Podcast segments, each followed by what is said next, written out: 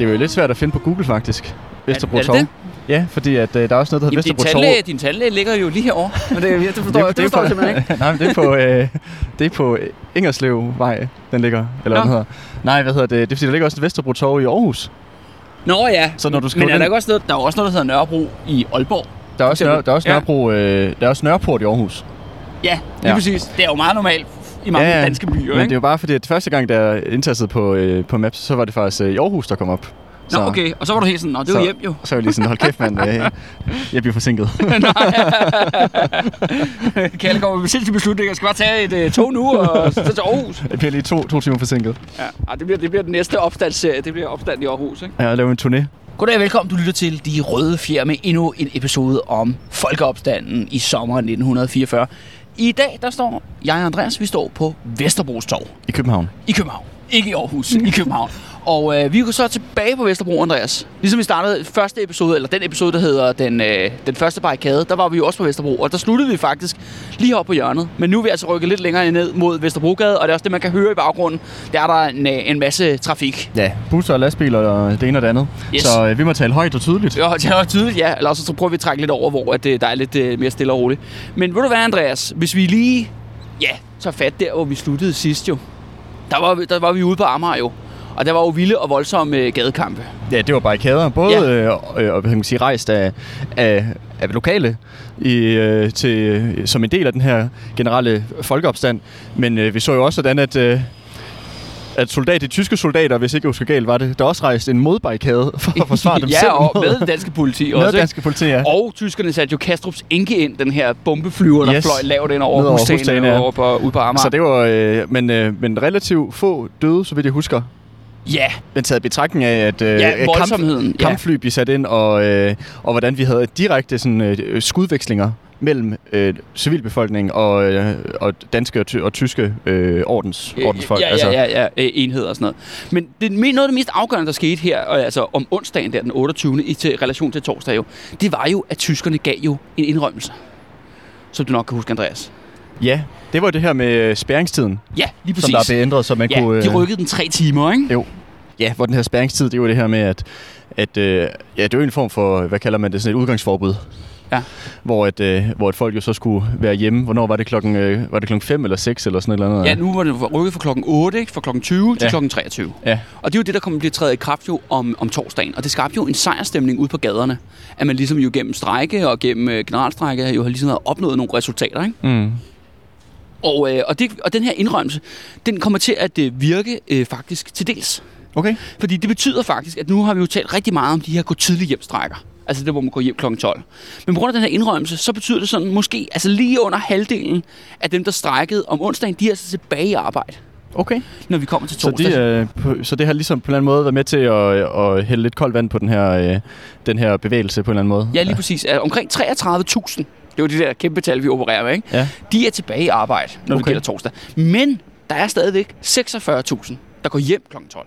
Så endnu flere? Ja, ja nej, men du forstår mig, om dagen før, jo, der var det jo 80.000. Nå ja. Ja, det var 80.000, ikke? Ja, Der var, ja. der var vurderer man, der var i strække, delvis strække der om, om onsdagen, hvor der om torsdag, jamen, så har vi så de her 33, der er tilbage i arbejde, og så har vi så 46, som, øh, som strækker fortsat, ikke? Ja, København er en levende by. Det er svært, det, det er svært at finde et sted, hvor der er ro. Men sådan er det. Og det fører også til, ligesom, at der også opstår, der er faktisk ro mange i, over hele byen. Mm. Det er ligesom det der med, det skaber ligesom noget ro, at det der med, at det, de gav de der indrømmelser, og folk ligesom føler, man, at nu har vi ligesom opnået en sejr. Mm. Og det er jo så her, hvor at det tydeligt er, at de her gå tidligt hjemstrækker, de har ligesom nået sin begrænsning nu. Ja. Forstår du? Det, det, er, det, kan ligesom ikke, det er jo ikke det, der kommer ligesom til at tage tingene Det viser ikke videre. en vej frem videre. Nej, nej, nej, nej. Nu har vi ligesom gjort det i flere dage i streg, og det har jo også haft en effekt, fordi spærretiden er jo blevet rykket. Mm. Men hvad gør vi herfra? Og det betyder blandt andet, at det, nogle af de vigtigste aktører, jo DKP, begynder at diskutere. hvad skal vi gøre nu fra? Hvad skal vi gøre nu fremadrettet? Og de har nogle hemmelige møder her tidligt om torsdagen, hvor de netop diskuterer, hvad, hvad skal vi have en generalstræk? Ja. Så kan man sige, at det er jo naturligt, kan man sige, næste skridt Mm. for den her bevægelse. Altså, enten er det jo det der med, enten så siger vi stop, Ja, ja. nu så er vi færdige, så er der ikke mere opstand, øh, og der, er- hvorfor, hvorfor har, fortsætter den her serie, kan man sige, nu er det ligesom, nu er det ligesom slut, eller også så tager vi ligesom skridtet ja. videre til Man kan sige, at den her bevægelse har jo fået noget momentum, og fået nogle indrømmelser faktisk. Ja, Så- det har jo virket, ikke? Så, øh, så det, det, det, vil, det er jo ikke, fordi det er farfetched, at man tænker, hvis, hvis vi eskalerer, jamen så kan vi måske få endnu mere. Ja. Altså det, det har i hvert fald virket indtil videre. Det, det, faktisk har man kunne formå øh, tilkæmpe sig indrømmelser for den her nazistiske besættelsesmagt og det Ja. her øh, regime. Så, øh, så det giver god mening, at man tænker, okay, hvad kan vi gøre for at få, få endnu mere? Så Ja, at ja, ja, lige præcis. Men DKP'erne, de diskuterer jo, fordi det er, jo det, det er jo dem, der ligesom er, kan man sige, skal jo præsentere arbejderklassen og arbejderklassens strækkemidler, og det er jo også dem, der har haft en rolle i det her BRV-strække mm. til at starte med og sådan noget. Men de her DKP-folk, med Børge Hovmand, ham her, den ledende DKP'er, der også sidder i Frihedsrådet, de kommer frem til, at de tør sgu ikke erklære generalstræk, fordi de vil jo ikke provokere deres borgerlige samarbejdspartnere i deres folkefront. Nej, det er rigtigt. Nu er vi jo tilbage til Folk det, hvor danske vi, og hvad det ellers alle ja, ja, lige præcis. Ikke? Ja, ja. Og det, det tør de ikke gå med. Og så siger de, "Nå, men okay, hvis vi skal have en generalstrække, så skal vi have hele Frihedsrådet med. Som er jo netop den her folkefront, hvor de er sammen med alle de her, de her borgerlige folk. ja. Så de indkalder faktisk til et møde, der foregår inde i Indre By, inde på Goddersgade, hvor altså Frihedsrådet samles. Og det er første gang, at Frihedsrådet de samles og diskuterer, øh, hvad skal der ske med den her opstand? Hvordan skal Frihedsrådet reagere i forhold øh, til det? Og, Men det er øh, også et risky business at møde sådan... Øh, Jamen det gør de faktisk ret sådan regelmæssigt. Okay. Men altså, de har jo alle mulige sikkerhedsforanstaltninger. Ja. ja. jeg kan fortælle, at det er sådan, tricket er, at det er jo altid en ny lejlighed, de mødes i. Og det er sådan her, at folk kan jo komme og også, hvad hedder det, de er forklædt, ikke? Når de dukker Okay, op. så det er noget med et falsk overskæg ja, ja, og, og en og, uh, faktisk, trenchcoat og, og, og faktisk tricket er det der med, om hvorvidt der er en, øh, en blomst i vinduet. Okay. Så man kan ligesom se, om der er fri bane. Ja. Øhm, og så er der også noget med, at man for eksempel, øh, altså når man banker på, så siger de, spørger de sådan noget, Nå, har, øh, kan jeg låne dagens avis? Eller, du ved, de har sådan noget, de okay. har sådan noget gode, gode ord, ikke? Men de mødes altså, altså de her frihedsråd inde på en lejlighed i Godskade i Inderby, og har det her møde om, hvorvidt det er generalstræk. Ikke særlig overraskende. Så synes alle de borgerlige, at det er en rigtig dårlig idé. Ja. Det er en rigtig Hvem- dårlig hvem idé. den komme? Det, det, er jo en rigtig dårlig idé med generalstræk, fordi vi skulle jo ikke, det ødelægger forretningerne, og det ødelægger roen, og, og, og men Ja, gør, gør på bundlinjerne på, på ens profitter, æder ind i profitterne. Ja, ja, ja, ja, ja, ja. Prøve at starte en revolution i København. Hvad fanden er der med? Ja, ja. Og, øh, men det griner Men der er også et spørgsmål af, hvad nu hvis at det ligesom øh, får sin egen logik, og det ligesom tager tager, får et liv i, sig- i sig selv, hvor det løber ud af hænderne, ud af kontrollen af de her DKP, eller hvem det måtte være. Ja. Tænker jeg også, at er en, hvad skal man sige, et element. Ja. Fordi det er jo bare, hvis du først, det er også at ligesom sætte gang i nogle kræfter, som det er ikke sikkert, du kan kontrollere. Det tror jeg også er 100% af de, de borgerlige rationale, dansk samling folk og ja. hvad hedder det? Ja, det virker, det virker som om, at, at DKP ellers er en rimelig dedikeret til det her klassesamarbejde, de har i Folkefronten. Det, de er super dedikerede. Men det betyder ikke, at den københavnske arbejderklasse er det. nej, nej, nej, nej.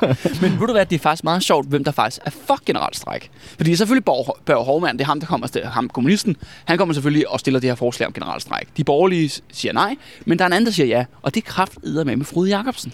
Ham, der er den enlige, vores øh, enlige socialdemokrat. socialdemokrat, ja. Han synes bare sådan, ja ja, lad os da gå fuld ud out. Nu, nu eskalerer vi situationen. Ikke? Okay. Og det var meget sjovt. Der har han jo mere en finger i jorden end de andre spader mm. i det her frihedsråd på daværende tidspunkt. Det synes jeg bare er meget sådan en sjov detalje. Ja. Allerede her på det første møde, der synes han bare, at man skal gå fuld steam ahead, ikke? Eller det er det naturlige næste skridt. Men han bliver altså simpelthen stemt ned af de andre borgerlige, og fordi DKP'erne er så altså valgene, ikke? Ja. Altså det er bare meget sådan en sjov øh, Ja. dynamik og også øh, sådan ja, lille hale på den, øh, den historie. Så der er altså ikke, der kommer altså frihedsrådet kommer ikke ud, DKP'erne kommer ikke ud øh, med et krav om generalstrække om torsdag der den 29. juni.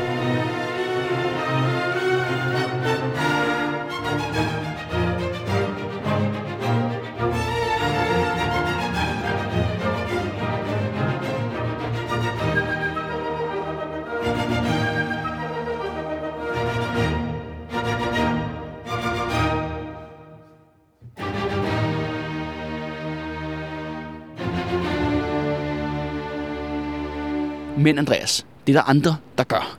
Fordi nu er, ja, kan vi introducere en lille bitte gruppe, som øh, kan man sige, har ikke en særlig stor sådan, effekt i Danmarks historie, men lige i dag, torsdag, eller øh, dagens episode, torsdag den 29. juni, der tror jeg, at de har en kæmpe øh, effekt. Og det er noget, der hedder arbejderoppositionen. Og hvem er det? Ja, det er en lille bitte trotskistisk gruppe. Okay. Som eksisterer uden for DKP. Altså en flok andre kommunister, men så ikke, så, altså, ikke Moskva-tro, ikke Stalin-tro. men- Ja, det, jeg tror, det er første gang, at vi har øh, stiftet bekendtskab med en trotskistisk gruppe i vores podcast indtil videre. ja, ja, ja. Jeg kan i hvert fald ikke huske nogle andre serier, hvor at hvor, Hvor der trods- hvor der trotskister med. som der i hvert fald har spillet nogen rolle. Nej. Altså, men man kan bare lige få sætte et ord på, hvem det er. Ja, altså, så, øh, så har du den russiske revolution jo. Det tror jeg, de fleste lyttere godt Ja, ved, og det har vi også snakket om det har før, vi også snakket før, ja. Og der har du jo så, jamen man kan sige, øh, Stalin og hans fløj jo, som der jo repræsenterer den her, hvad kan man kalde, sådan byråkrati, sådan forstening af kontrarevolution inden for den russiske revolution. Og så har du så den anden, en anden fløj, ledt af ham, der hedder Leon Trotsky, som der jo så kæmper for... Derfor trotskist, ikke? Derfor ja. trotskist, ja. Ja. Som der også øh, kæmper for, øh, og kan man sige, øh, kæmper for det her med internationalisme, med revolution skulle sprede sig, kæmper for at bibeholde arbejde og demokrati, i modsætning til det her diktatur, som der Ja. ja. vokser frem under Stalin. Øh, så du har jo ligesom to, hvad skal man sige, politiske, ten- forskellige politiske tendenser, øh, hvor at, ja, ja, hvor trotskisterne, det er jo så, det er de her, de, til, de hører til, den her gruppe her. Ja. Øhm, og de øh, stalinisterne hader dem som pesten. ja, lige præcis. altså, de blev jo myrdet, altså af stalinisterne. Ja, ja, lige præcis. Ja. Og, det er jo, og de er jo på mange måder jo, altså ja, kommunister, de, altså, de kæmper for en revolution og arbejder, arbejderklassens øh, magtovertagelse osv. osv. Ja. Men de er i hård opposition Til til, stalinisterne. til stalinisterne. Ikke? Ja. Og, det, og det er den her gruppe også. Men det er jo en lille bitte gruppe. Der er måske omkring en 50 medlemmer. Altså i, det ikke mange? København, nej. Men det er meget sjovt, hvem de har forbindelse med. De har forbindelse med en fra din gamle garde, den gamle revolutionære garde, altså tilbage fra 1918-1920, altså dengang der var en revolutionær periode der omkring slutningen af Første Verdenskrig her i Danmark. Og det er en, øh, en hardcore dame, der hedder Marie Nielsen. Var det ikke også var med til at starte det, det danske Jo, hun kommunistparti var i med, hun var stiftet, en af de Ja. stiftende medlemmer af DKP ikke? Ja. i tidens morgen, men blev ekskluderet Ja, i 1936, fordi hun synes ikke, at øh, man, eller man skulle blive ved med at kæmpe for fri abort. Ja, og det var også Ja. endnu, endnu en af de ting, Ja, som man ja. også ser, der ligesom bliver forandret under den her kontrarevolution ledt af Stalin Ja. i, i, i, Rus- i Sovjetunionen, Men- jo, hvor sådan noget som abort går fra at være lovligt til at blive ulovligt. Men det var meget sjovt, fordi altså, øh, Marie Nielsen har på daværende tidspunkt i 1944, der har hun levet lang tid, altså ligesom ude af politik. Fordi hun ligesom blev ekskluderet ud af alt. Hun blev ud af Socialdemokratiet, hun blev smidt ud af Kommunistpartiet osv. osv. Og hun er en af de få sådan, øh, politiske skikkelser i Danmarks historie, som faktisk har nogle principper, hun holder fast til helt til, Mm. til, til den bedre ende. Så hun er blevet en ældre dame, men hun er ligesom, kan man sige, hun er ikke fordi hun er med ude og lave ballade på gaderne, men hun er, kan man sige, en slags, slags øh, politisk-teoretisk øh, indflydelse, ledelse for Mm. den her lille arbejderopposition Okay. som er en, en række øh, fagforeningsaktive, men som også er med i det her, man kan næsten ikke kalde det et trotsistisk parti, men et trotsistisk netværk. Okay. Men på baggrund af alle de begivenheder, vi har talt om i de sidste løbet, de sidste mange episoder, altså alle de her gadekampe, de her delvise strækker, der tænker den her arbejderopposition med Marie Nielsen ind som, kan man sige, sparringspartner, at selvfølgelig er det næste skridt en generalstræk. Mm. Til det formål, der producerer de en masse løbesedler. Og så går de faktisk ud på Vesterbro og deler de løbesedler ud. De siger selv bagefter, at de i hvert fald øh, deler omkring 5.000 løbesedler ud. Hold og, prøver at, og, ja, og prøver at agitere til alle mulige folk. Okay, Øh, så de står altså og deler løbesedler Ja, og, og og, det gør de diskuterer også. med folk på gaden? Ja, og det gør de også her på Vesterbro Torv. Okay. Og det er derfor, vi er her netop i dag. Ja. Det er jo en lille bitte gruppe. Det, og det er jo ikke fordi, at den her lille bitte gruppe kan øh, starte en generalstrække selv. Det er jo sådan, fungerer tingene ikke. Men jeg vil godt argumentere for, at de har en ret afgørende effekt her om torsdagen den 29. juni 1944. Mm. Forstår du, jeg mener? Fordi de har ligesom, man har, man, har, man har kæmpet, man har strækket, man har opnået noget, et resultat om, at det der spærretiden er blevet rykket. Netop, altså, hvad skal der ske nu? Ikke? Hvad er det næste skridt? Man kan sige, at på den måde, så giver de ligesom en, en vej frem. Altså, at de viser ligesom, okay, hvad vil være det næste naturlige skridt, hvis vi skal ikke bare gå hjem, men at vi rent faktisk skal øh, intensivere kampen. Ja. Og det er jo ikke fordi, at de 50, 50 øh, øh, trotskister kan lede en generalstrække med 80.000 eller hvad det Ja, var. 100.000, Ja, ikke? ja, nej, nej. Men du kan i hvert fald, øh, hvad skal man sige, vise en vej frem. den her arbejderopposition, troskistiske arbejderopposition, det er ikke fordi, der er skrevet store afhandlinger og bøger og sådan noget. Man kender dem faktisk primært fra DKP-litteratur. Nå. Altså DKP'er, der har skrevet om det efterfølgende efter krigen. Og de er altså meget, meget enige om, at de der arbejderoppositioner har absolut ingen effekt. Okay. De er revolutionsromantikere, og det er noget pis, og det var i hvert fald ikke dem, der startede generalstrækken osv. osv. Og det gentager, har de gentaget lige siden 1944. Men jeg har en anden kilde, som måske kan vise noget andet. Okay, lidt, lidt mere nuance. Ja, Ja, men, og det er faktisk en interessant, en interessant øh, anden vinkel, fordi det er faktisk for en politibetjent. Nå. Det er simpelthen en politibetjent, der har... Øh, at dengang har man jo et gående politi, skal Mhm. mm-hmm. siges. Ikke? Det er jo politibetjent, der går ligesom en fast rute. Og den her politibetjent, det er en fyr, som patruljerer Vesterbrogade, Okay. som er netop her ved øh, Vesterbros Torv. Så Ja. han går forbi torvet, altså inden for hovedbanegården, så går han forbi Vesterbros Torv, og så går han ned til Ve- Vesterfældvej, og så vender han om igen. Ja, det er hans Du ved- rute. Ja, forstår du, mener. Så den går han ligesom frem og tilbage. Og han har en vanvittig interessant beretning om tidligt klokken 8 om morgenen om torsdag den 29. juni, hvor han netop går sin rute, som han altid gør. Mm. Det, der sker, er, at han går ned, og så opdager han, at lige så snart han kommer ud fra hovedbanegården, eller hovedbanegårdens område, så kan man ikke komme ned ad Vesterbrogade. det er simpelthen, det vælter rundt med folk. Altså, der er fuldstændig crowded på alle, på alle hvad hedder det, fortårne, hvor folk de står og diskuterer helt vildt. Han bliver nødt til at gå midt ud på vejen, fordi der er simpelthen så mange mennesker. Og det er fordi, dengang, der er der rigtig mange virksomheder, som ligger ud til Vesterbrogade. De ligger om i baggård og så videre, så videre. Ja. Og, øh, og de her folk, de står og diskuterer, og de står og diskuterer, hvad, det, ligesom, er det, hvad skal der ske? Hvad er det næste skridt? Og skal de fortsætte strækken? Altså, der er en virkelig sådan ophidset politisk stemning, hvor folk står og diskuterer. Og han, men hans fornemmelse, fordi han går jo bare lige så forbi, og han er jo ene betjent, det er jo ikke, fordi han kommer til at nedkæmpe... Øh, og, og, Tusindvis af folk, der står og, tusindvis og op, oprevet. Øh, øh, det, det kommer ikke til at ske. Men hans fornemmelse, fordi han lytter selvfølgelig til, hvad folk siger, Mm. da han går sin rute. Og hans fornemmelse er faktisk, at folk er sådan, ej, ved du hvad, vi går tilbage i arbejde. Okay. Opstanden er slut, det er ligesom færdigt. Og det er hans indtryk, mens han går langs hele Vesterbrogade. Men så da han kommer ned til Vester, øh, Vesterfælledvej, der hvor han ligesom skal vende, og han går tilbage igen, da han går tilbage den samme rute, som han gik før, så er der fuldstændig mennesketomt. Og alle er gået hjem i strække. Okay.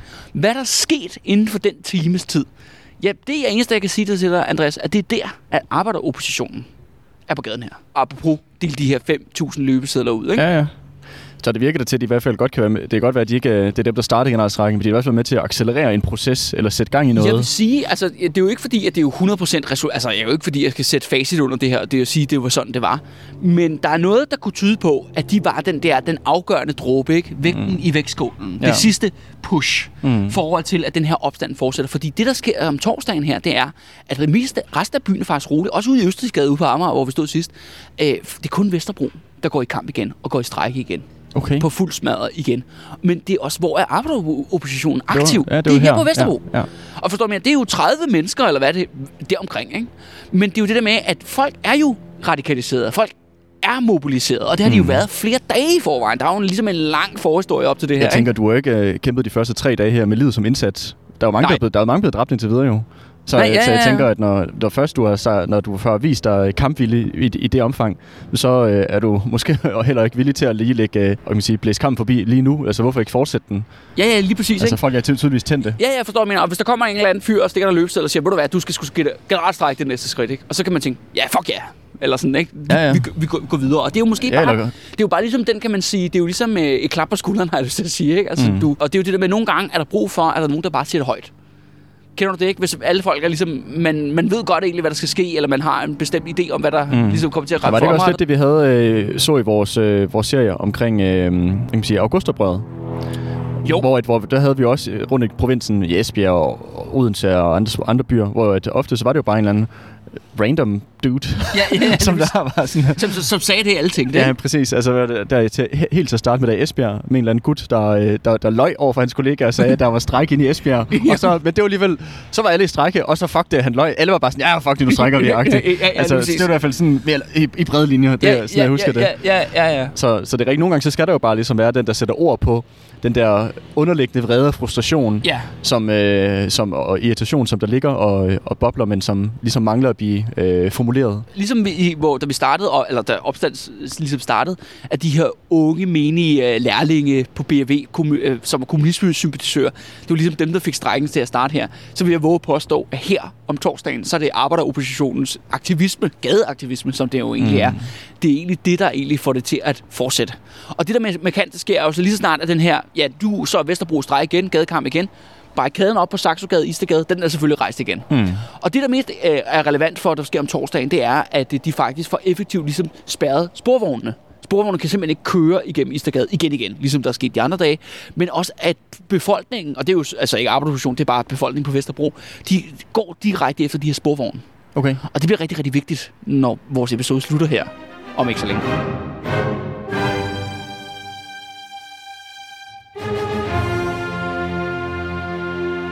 Altså, så, så Andreas, så vi falder jo ind ligesom i et mønster, som vi kender. Altså, det er jo det med, at der bliver rejst en, en barrikade nede på Saxogade, Istergade. Ja, klassisk. Der er, ja, ja, klassisk. Der er nogle tyskere, der kommer kørende i bil og begynder at skyde på folk. Mm-hmm. Ligesom der er sket alle de andre dage. Og, men igen, altså den her dag, torsdagen der den 29. er ikke lige så blodig, som det var om onsdagen for eksempel. Der er kun én dræbt og omkring 15 sårede. Okay. Men der er en Det var de, billigt sluppet. det var billigt sluppet. Men en af de mere sådan, interessante øh, ting, der sker her på, øh, på Vesterbro øh, Torv, det er, at der ligesom kommer også et stort slagsmål her på gaden. Altså udover kan man sige, at arbejderoppositionen har været her så omkring det der klokken 8 om morgenen, og ligesom øh, dele øh, løbesedler ud. Så senere op på dagen, så er det sådan her, at der var jo et, øh, der er et toilet her. Et offentligt toilet. Ja. på, øh, på Vesterbro Torv. Ja, som vi jo lige har været nede og kigge på. Ja, ja, hvor jeg har taget nogle øh, lækre billeder af dig, ikke? så der er lidt øh, eye candy til, til folket. Ikke? Og, øh, og der er det sådan her, at der er endnu en af de her infamøse øh, danske, danske nazistiske vagtmænd, som øh, han, er, han er åbenbart på vej hjem på vagt, og tænker lige, han skal lige, han skal lige slå en streg. Og øh, han, øh, han hedder Valdemar Larsen, og han går ned for at tisse. Og det gør han så, og så går han op igen. Men på vejen op ad trappen, der møder han en fuld søfyrbøder. Ja. Og den her søfyrbøder er bare altså fuld, og ved ikke, ham her er vagtmand eller nazist. Han spørger ham garanteret, øh, har du ikke en smøg, eller, eller, Ja, sådan et. Ja, et eller andet Ja, ja. pis, ikke? Og ligesom begynder at tale til ham. I kender jo godt, nogle gange så kommer fulde mennesker hen og taler til en fuldstændig random, og det er ja, sådan lidt og, man, og man er sådan lidt, kan du ikke finde ja, kan, du, kan, du, kan, du, kan, du, Ja. ikke- kan du ikke pille af, ikke? Ja. Men det griner er så, fordi at du skal huske på, hvor vi står nu, Andreas. Fordi lige rundt om hjørnet, der har du altså Dannebrogskade. Det er altså dernede, hvor man dræber danske nazister. Hmm. Som du kan huske på Ja, opdagelse. første var det den første dag. Ja, lige præcis. Ja. Der, var, der var to, der blev dræbt dernede, ikke? Ja. Og ham her, Valdemar Larsen, han bor åbenbart tydeligvis i området, så han er sgu en lille smule jumpy. Ja, er nervøs. Ja, Han er nervende sæt ude på, ude ja, på tøjet. Ja, fordi han jo netop, han kender jo godt forhistorien, hvad Ja. der sker med sådan nogen som ham. Så det han gør, at den her søfyrbøder ligesom sådan generer ham lidt sådan fuldemandsagtigt, det gør, at han trække sin pistol og skyder ham i benet. Okay. Nede i den der trappe der, hvor du lige har stået der. Ja, okay. Det er alligevel også øh, voldsom reaktion. Ja, ja, og da folk hører skud her på Vesterbro, så løber folk jo hen og ser, sådan, hvad fanden foregår der dernede? Hvor efter han begynder at skyde på mængden af, af mennesker, der står her på Vesterbro Torv. Okay, shit. Så der er to andre, der bliver ramt også. Nå. Og de er såret, ikke? Og, øh, og, og på det tidspunkt, så har han tømt sit magasin. Okay. Så har han ikke flere skud. Nej. Og det, der sker så, er selvfølgelig, at folk trækker mere ind på midten af torvet, og så smadrer de ham til plukfisk. Okay. Altså virkelig, tramper på ham. Altså virkelig, han får, han får sit livs, øh, sit livs røv fuld, ikke? Okay. Og det er sådan, Men han dør ikke. det vilde er, altså det grinerne er, eller ikke det griner, men politiet omtaler det jo som en lynching. Altså sådan, du ved, spontan sådan nærmest. Og der var ingen tvivl om, at måske menneskemængden ville have dræbt ham, hvis det ikke var fordi, at politiet faktisk kommer og ligesom redder hans liv. Okay. De rykker simpelthen ud og slår mængden væk og sørger for, at han kommer på hospitalet. Men han er, altså, han er helt færdig. Og historien vil vide, er, at næste dag melder han sig ud af det der vagtkorps. Okay. Ja, på, på Shell, og det skal sige, at han er vagtmand på Shellhuset, som er jo Gestapos hovedkontor. Okay. Hvor de har torturkælder på loftet og sådan noget, ikke? Ja, så han Så- har også, så- øh, ja, ja, ja, han ja. har også været med til noget dirty ja, shit. Ja, ja, han, ar- han arbejder jo en af de værste steder, man kan arbejde. En ting Ja. er, at man står ude på en eller anden fabrik ude i Glostrup. Ja, ja. En anden ting er, når man arbejder på, i torturfængslet. ja det er... Og selvom det måske ikke er ham, der torturerer folk, så arbejder han der stadigvæk. Ikke? Ja, ja, ja. Og en nazist. Og, ja, ja, og i hvert fald nazisympatisør og Ja, ja, ja, højorienteret ja. af en eller anden, en eller anden observans. Ikke? Ja. Ja, okay. Så, men også bare lige nu står vi jo faktisk her på Vesterbro Torv. Og øh, jeg ved ikke, det er jo måske ikke alle, der ved, hvordan det ser ud. Nu, nu, bestå, nu, beskriver, ja, vi jo, nu ja. beskriver vi jo begivenheder, som for, øh, og vi kan jo stå og se på, øh, på stedet her, men hvis man bare lige skal beskrive, hvordan det ser ud, så er det jo ikke det, er jo ikke det største torv i verden. Ja, det kan man ikke påstå. Jeg vil, se, jeg vil gætte på, at hvis du samler en øh, 100-200 mennesker her, så er det ved at være godt fyldt. ja, ja, Altså, ja, ja, ja. øh, Så, så, øh, så det er jo ikke, fordi det er rådhuspladsen, vi snakker om. Nej, nej, nej, altså, nej, nej, nej. Men øh, Det er altså en af de her, sådan, med, kan man ligesom, øh, nu har vi jo også, vi startede første dag, eller første episode, der startede vi jo nede på Ingehave Plads jo, som er en langt større plads, ikke? Men Ja. der er ikke så mange pladser jo her på Vesterbro. nej, Men der er jo Ingehave Plads nede den ene ende, og så har du altså Vesterbros Torv, altså Ja. heroppe i den, i Ja. den anden ende. som er en del mindre. Ja, som en del mindre. Ja. Ja. Og, og selvfølgelig ud til den her meget, meget essentielle vej, som er Vesterbrogade, ikke? Yes. Som fører ind til Indre By, ikke? Ja. Så når vi snakker om det her med, at pladsen har været fyldt med mennesker og sådan noget, så er det jo, det er jo ikke, fordi der har stået 5.000 mennesker Nej, til, nej, nej, til nej, nej. Det har Nej, været jeg et- tror, et par hundrede eller ja, noget. ja, ja, det tror jeg sådan ja. en- en- Hvilket stadig er mange mennesker få tæsk af. Ja, det tror jeg, det tror jeg da bestemt, det er.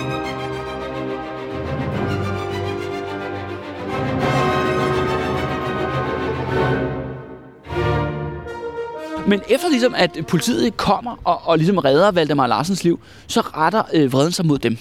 Ja. Nu retter Vesterbros befolkningsvrede mod politiet, og det har jo ligesom, den har ligesom, den har a long time coming, Ja. som, som jeg ser det. Ja. Øh, og, og det her er jo, at befolkningen er jo træt af, af to ting. De er jo træt af, for det første, at de bliver beskudt og dræbt af danske nazister og tyskere, der bare kører rundt i gaden og skyder på folk. Forståeligt. Forståeligt. Og politiet gør jo ikke deres job. De beskytter jo ikke civilbefolkningen. Det er sådan en ting, ikke? Men man kan jo sige, gør de ikke lige præcis deres job?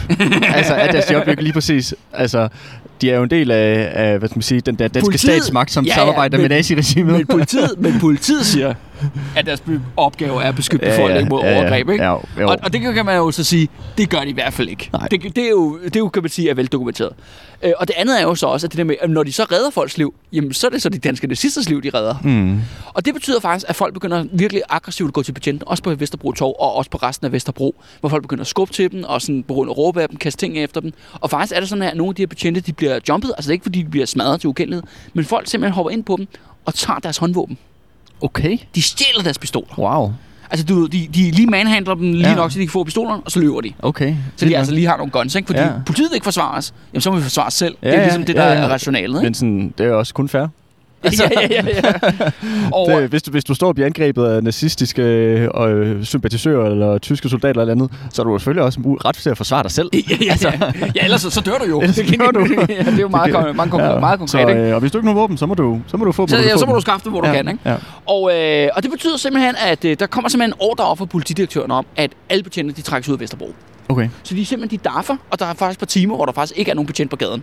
Men det er kun en lille bitte pause, fordi at nu bliver der simpelthen taget en beslutning på Københavns Politigård, at nu er det nu. Nu er det nu, at dansk politi skal vise, hvem der hersker på Vesterbro. Nu er det. Istergade skal smadres, Istergade skal knækkes, Vesterbro skal knækkes. Det er jo også, jeg tror også, politiets fornemmelse er, nu er det ved at være sidste chance.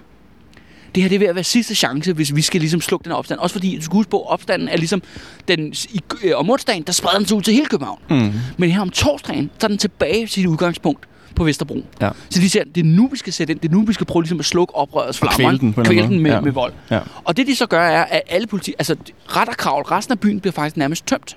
For politi. Alle sammen kommer til hovedbanegården, eller så mange som overhovedet muligt, kommer til hovedbanegården, og der får de udleveret hjelme og geværer Okay. og, og knibler. Altså de, altså, de gør sig klar til kamp Ja. op ved hovedbanegården. Fordi nu skal simpelthen Istergade og Vesterbro generobres. Ja. Så det, de gør, er, at de sender... De, igennem hele Vesterbro sender de Igen, de skal redde civilbefolkningen ved Ja, at ja, tæske dem finder sammen. ja, lige- lige. Ej, hvor er de heroiske, var. Shit, det gør deres job godt. Jamen, de skal jo vise, at det, det er dem, der har magt. Og politiet, de kommer så, øh, de kommer så i tre kæmpe store magtkolonner. Altså en af Istergade, en af Vesterbrogade selvfølgelig, og så en, øh, hvad hedder det, ja, lidt længere ude. Øh, ja, det er ved Halmtorvet og sådan nogle ting, dernede i det område der, ikke? Øh, Fisketåret. Ja, nej, nej, Halmtorvet for helvede, det er en del øh, på Vesterbro? Og, øh, og de her kolonner, altså de, er jo, de, altså de, vi taler om massiv po- politiopbud, ikke? Altså kommer mange hundrede politibetjente gående ned ad gaden, og det er sådan, at de skyder varselskud hele vejen, Okay. for ligesom at for, for skræmme folk, ikke? Ja. Og så er det jo sådan Det her, er når de, intimiderende. Jamen, når de møder en barrikade, så rydder de den, ikke? Så de fjerner den sådan fysisk, ikke? Jo. Og alle de folk, de møder på gaden, de får tæsk, og så bliver de smidt ind i deres opgang. Okay. Og det gør de, og når de så ligesom har taget alle hovedgaderne, Vesterbrogade og Istergade, jamen så går de ned i sidegaderne. Ja. Så derefter, så er det så Saxogade og hvad de nu alle sammen hedder, ikke? Jo. Okay, det er en stor, øh, voldsom aktion, må man sige. Og det betyder faktisk også, at, øh, at det er lige så beskeden af om, om aftenen der, når vi når ligesom hen til om aftenen, omkring klokken, klokken 10 stykker, så er der faktisk, så er Vesterbro ryddet. Der var stille her. Politiet har ligesom ge- genvundet kontrollen ved at sætte massivt ind, bruge alt, hvad de har, ikke? Altså det, er- Rå magt. øh, rå magt. Og de sender jo beskeden videre til, øh, til tyskerne på Dagmarhus deroppe på Rådspladsen, alle topnazisterne, og de er jo lykkelige, og de er jo bare sådan, hold kæft mand, Nazi-alliancen, den virker. Ikke? Er der bare high fives endnu, en, øh, endnu en gang, der leverede det danske politiske system og dets øh, magtmidler. Mm. Det leverede, den holdt sin aftale. Dem kan man stole på. Mm-hmm. Det er det, der ligesom er øh, beskeden. Ja.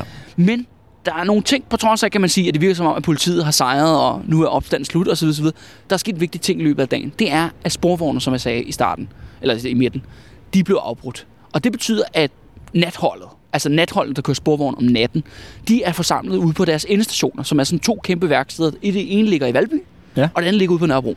Okay. Og de er sådan her, hør her, i morgen, der kører vi ikke. Vi kører ikke i morgen, fordi at Så strækker de altså også. ja, ja, fordi at det er for uroligt. Altså, vi vil, ikke køre, vi vil ikke køre igennem byen, fordi vi bliver hele tiden stoppet med barrikader, og folk begynder at kaste sten efter sporvognene osv. osv. Okay. Øh, så det er den ene ting, der bliver besluttet. Den anden ting er så, at der folk på Vesterbro, de er ligesom kommet op i der, de kommer med blå øjne og bløde næser efter politiets øh, kærlige behandling øh, af dem, kommer op i deres lejlighed, og de tænder for radioen den, den aften der, hvor de så spader ind i deres lejlighed igen. Der får de to nyheder. Den ene nyhed, det er, at den øh, tyske front i Hvide Rusland er brudt sammen. Okay. Den røde her har Og nu... brudt igennem? Ja, brudt igennem og er i gang med at fuldstændig at trumle dem over Ja. øh, ind i midten af, af, af Hvide Rusland. Og den anden nyhed er, at dagen efter, fredag den 30. juni, der skal otte sabotører, de skal henrettes på en gang. Af Okay. tyskerne. Så nu er Ude, i, reaktion, nu ude er, i det, der bliver Mindelunden. så nu er kontrarevolutionen, altså her i, i hvert fald i København, altså i offensiven, kan man sige. Ja, det kan man Ja. sige. Og det er det, de her otte sabotører, de er altså fra den samme gruppe. De er fra sådan en jysk øh, gruppe, der hedder Hvidstensgruppen. Ja. Som er sådan en dansk samling outfit. Altså sådan ja. nogle, nogle højorienterede folk. Ja. Men det er på en anden måde, det er jo sådan virkelig mærkeligt, fordi at det, det, de har jo lige givet beskeden om, at vi rykker spærretiden fra 20 til 23, Mm. men nu dræber vi så lige os. Ja. Og det er jo det der med tyskerne sådan lidt skizofrene håndtering af den her opstand. Ikke? Det er både sådan en gulerod, er det meget lidt gulerod, ja. Ja. og så rigtig meget pisk, Men man ikke? kan, man kan sige, at jeg, jeg, jeg kunne måske også mistænke det, tyskerne for, at lige så snart, at sådan her øh, opstand var ved at være død ud, ellers så flyttede man jo bare spærretiden igen. Ja, jo, jo, jo. jo. Altså, jo, jo, jo. Tror du ikke bare, det var en midlertidig indrømmelse for at få jo, folk jo. til at gå hjem? Jo, jo, men det altså, var jo regnedrengene, der ligesom fik uh, trumfet den igennem der i sidste episode, ikke? Jo, jo, ja. Men uh, den her nyhed, altså for det første, at tyskerne nu er i massivt altså i tilbagetog, nederlag, altså ud på ud den store, ude i Ja, ja. Europa, ikke? Ude På den krigs, store, i Ja. ja. Og samtidig det der med, at man har tænkt sig at massehenrette, altså otte personer dagen efter. Det er jo en kæmpe provokation. Og det får jo ligesom, hvis folk ikke var pist før, Mm. så bliver det det nu. Og det betyder også, at den her nyhed altså, bliver afgørende, også for dagen efter, fordi der kommer handskerne af, Andreas. Fordi nu går vi simpelthen fra ja, delvis strække til general strække.